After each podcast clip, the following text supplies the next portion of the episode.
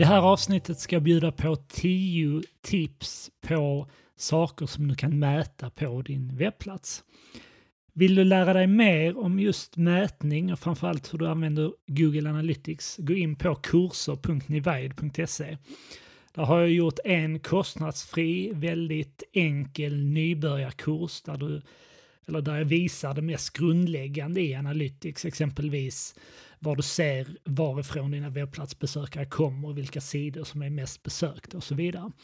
Det finns även en kurs som är betydligt mer djupgående för dig som använder Analytics idag men som inte känner att du tar ut de insikter som man kan ta fram ur det här verktyget. Så kolla gärna in kurser.nivide.se där du hittar de här kurserna. Så i dagens avsnitt ska jag prata om några saker som du kan mäta i Google Analytics. Tänk även på att de här sakerna som du mäter på din webbplats ska ni även följa och mäta i de annonsverktyg som ni använder i sociala medier. Så vad jag ser ofta där är kanske att man då har mål i Google Analytics som man följer, men man har inte satt upp motsvarande mål i de annonsplattformar som man använder. Så är det så att ni annonserar på exempelvis Facebook, Instagram, LinkedIn, se till att ni även har lagt in de målen som är viktiga för er även i annonsverktygen. För det ni kan göra där, under förutsättning att de här målen tar emot tillräckligt med data, så kan exempelvis Facebook lära sig vem de här personerna är som slutför de här målen. Och på det sättet hjälpa er att nå ut till en betydligt mer relevant publik.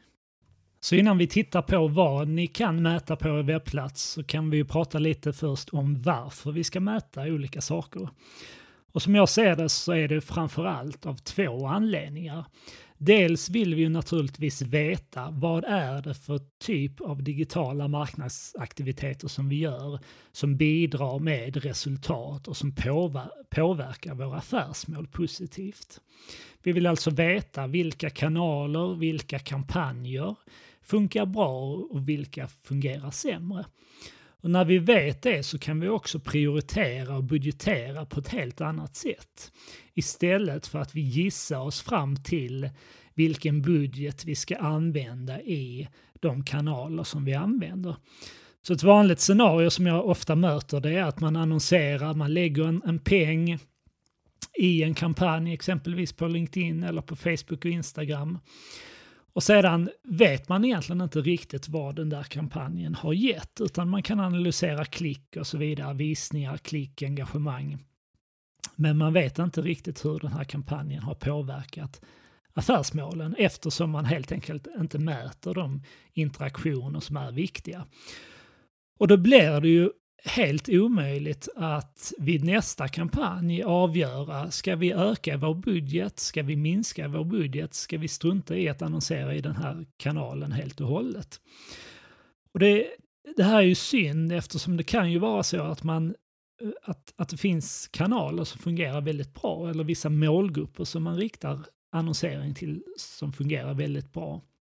Men om man inte vet detta så finns det ju en risk att man då exempelvis lägger alldeles för lite pengar på en målgrupp eller en kanal som egentligen bidrar med ett väldigt högt resultat i förhållande till den insats man gör. Så att säkerställa att ni mäter, eh, ta fram de här målen. Jag kommer att bjuda på lite tips i det här avsnittet.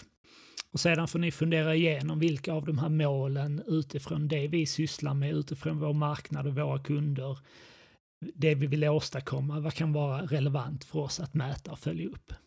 Så här kommer tio saker som du kan mäta på din webbplats. Nummer ett, köp eller förfrågningar. Så en fråga du bör ställa dig vad gäller företagets digitala närvaro är vad ni helst vill att kunden ska göra på er webbplats. För en e-handelsverksamhet är det huvudsakliga målet ett köp, medan för en typisk business-to-business-verksamhet kan det huvudsakliga målet vara en förfrågan. Och det här huvudsakliga målet kallar man ibland för makromål eller makrokonvertering. Formulärinlämningar kan vara ett sätt för en business-to-business-verksamhet att mäta exempelvis antal som gör en förfrågan via ett formulär. Och det här är enklast att spåra genom att man använder en unik tack och bekräftelsesida som leder till en unik URL. Alltså när man fyller i formuläret så skickas man vidare till en sida som säger hej, tack för att du valde att fylla i det här formuläret. Och så blir det då den URLen som man använder för den sidan som blir den sidan som man spårar i Analytics. Och det är väldigt enkelt. Det här går även att göra i Facebook och LinkedIns annonsplattformar. Kräver ingen inblandning av verktyg som Google Tag Manager, utan vi kan väldigt enkelt skapa en konvertering och lägga in URLen till den här tagsidan. Så kommer de här verktygen hålla koll på hur många som exempelvis då fyller i det här formuläret. Nummer två, klick på e-postadresser. Så vad många kunder föredrar att göra när de gör förfrågningar är att det sker via e-post istället för att fylla i ett formulär. Så om ni då bara spårar formulärinlämningar så riskerar ni att få statistik som är ofullständig och på det sättet kan leda till att ni drar felaktiga slutsatser vad gäller era digitala kanaler och aktiviteter. Spåra därför även klick på e-postadresser på er webbplats som kunden kan tänkas använda för att kontakta er. För att implementera klick på e-postadresser så behöver du använda Google Tag Manager och det här är kanske något som er digitala samarbetspartner eller webbyrå behöver hjälpa er med. Men då kan man enkelt skapa en, en trigger i Tag Manager där man spårar då klick på specifika e-postadresser. Är det så att man har flera olika e-postadresser som kunderna kanske använder för andra ändamål än för att göra en förfrågan, ja då kanske man ska fundera på att skapa en unik e-postadress som bara används eh, och som man då beskriver bara ska användas om man vill kontakta en säljare eller göra en förfrågan av något slag. Nummer tre, klick på telefonnummer. Så precis som att eh, kunden kan tänkas använda er e-post för att få kontakt med er så kan man även tänka sig att de använder telefon nummer Och det här är ju i synnerhet viktigt att spåra för om ni har en verksamhet som får in mycket kundförfrågningar via telefon. Så det ni behöver göra då är att länka er telefonnummer. Det gör man genom att lägga in en vanlig länk i sitt CMS på eh, telefonnumret som heter tel kolon och sedan telefonnumret. Och det här är också något som man behöver göra via Google Tag Manager. Kan du inte hantera det här verktyget på egen hand, ta hjälp av er digitala samarbetspartner. Kontakta oss på Nivide, det här är saker som vi kan hjälpa er med exempelvis.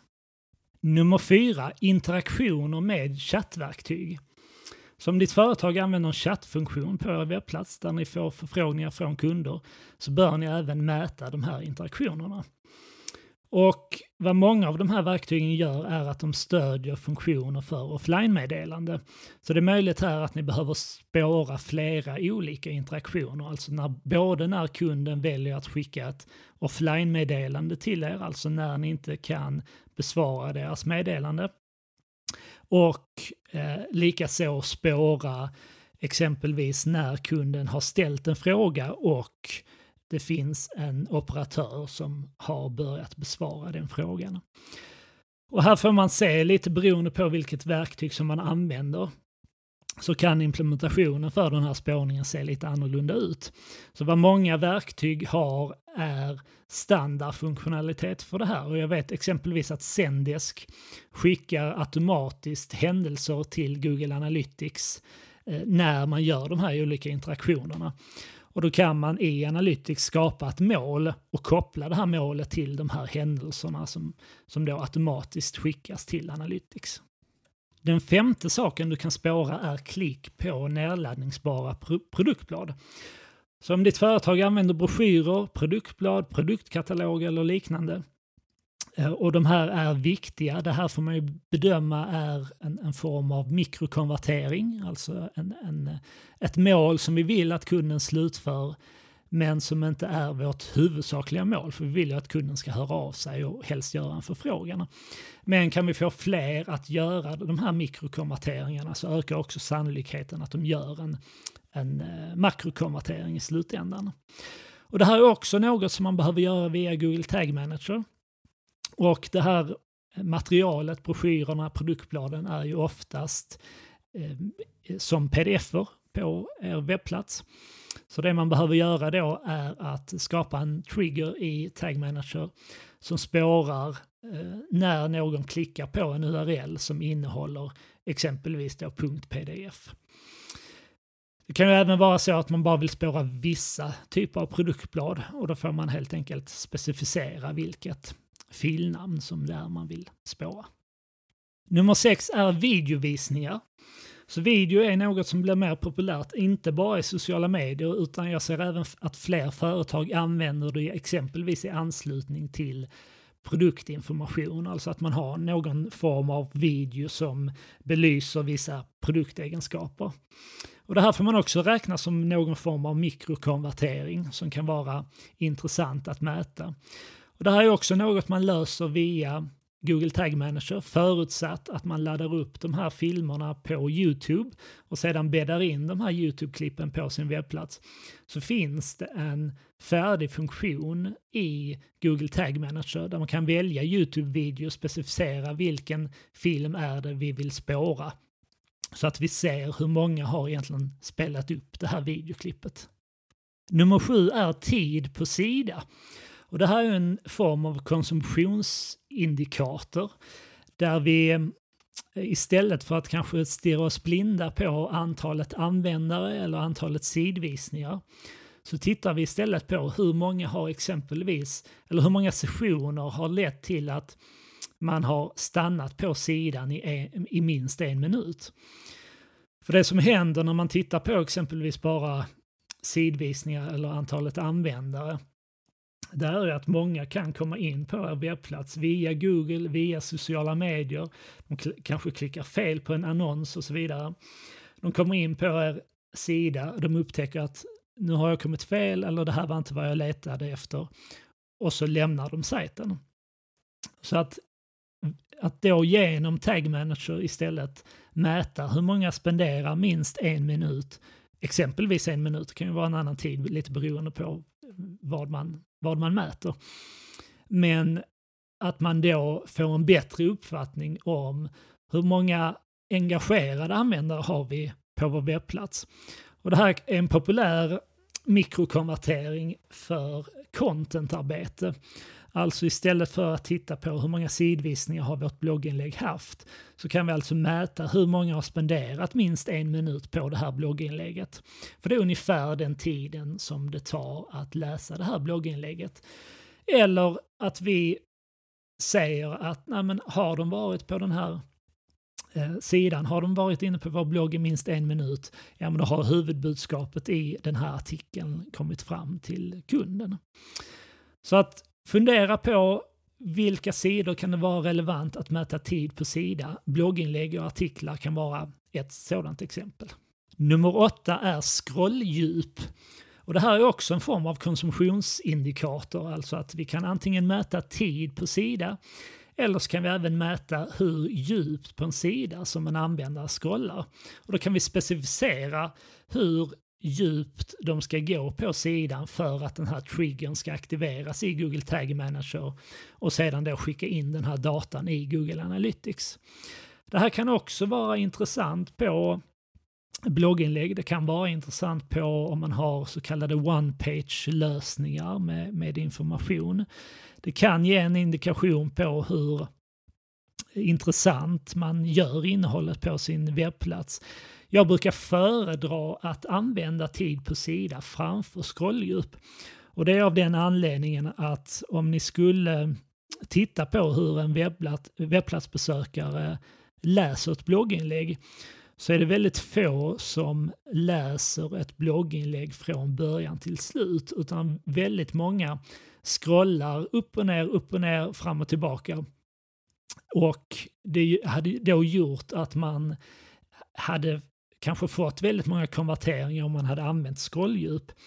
Medan tid på sida hade indikerat att här är någon som har stannat och verkligen tagit till sig blogginlägget istället för att bara ha scrollat igenom blogginlägget under några sekunder för att sedan välja att lämna webbplatsen. Nummer nio, klick på viktiga knappar eller länkar. Det kan vara så ibland att det målet som ni vill att kunden ska slutföra sker på en annan webbplats. Och det här ser jag exempelvis är vanligt i hotellbranschen där man kanske använder ett verktyg för bokningar som eh, helt enkelt är ett, ett um, tredjepartsverktyg som man har köpt in. Så att när kunden klickar på en boka-knapp då slussas de vidare till en annan sida där de sedan kan slutföra bokningen. Det man kan göra då ifall man inte har möjlighet att lösa det med hjälp av exempelvis cross-domain tracking eller liknande det är då att istället mäta klick på den här knappen som leder besökarna till bokningsfunktionen. Det man får såklart ha i åtanke då det är att bara för att kunden har klickat på den här knappen så innebär det inte att de har slutfört en bokning. Men det blir fortfarande en, ett, ett nyckeltal eller en indikator som vi kan använda när vi exempelvis gör annonsering i Google Ads eller sociala medier för att avgöra om det finns kanaler eller målgrupper och kampanjer som får fler att klicka sig vidare till bokningsfunktionen. Och den sista saken jag vill tipsa om att mäta det är om ni annonserar i Google Ads och inte har möjlighet av någon anledning att implementera någon av de här målen som jag tidigare har nämnt. Och då kan man använda något som Google kallar för smarta mål. Och smarta mål är en funktion man aktiverar i Google Analytics. Det kräver att man har minst 500 sessioner från Google Ads varje månad för att man ska kunna använda den här funktionen. Men det som Google Analytics gör då det är, är att man mäter de mest kvalitativa och engagerade användarna. Och så blir det det här ett mål då. Och likadant som man använder andra typer av konverteringar kan man då med hjälp av det här målet avgöra vilka sökord, vilka kampanjer, vilka annonser tenderar att generera kunder som visar ett större engagemang på vår webbplats. Så det här var tio saker som du kan mäta på din webbplats.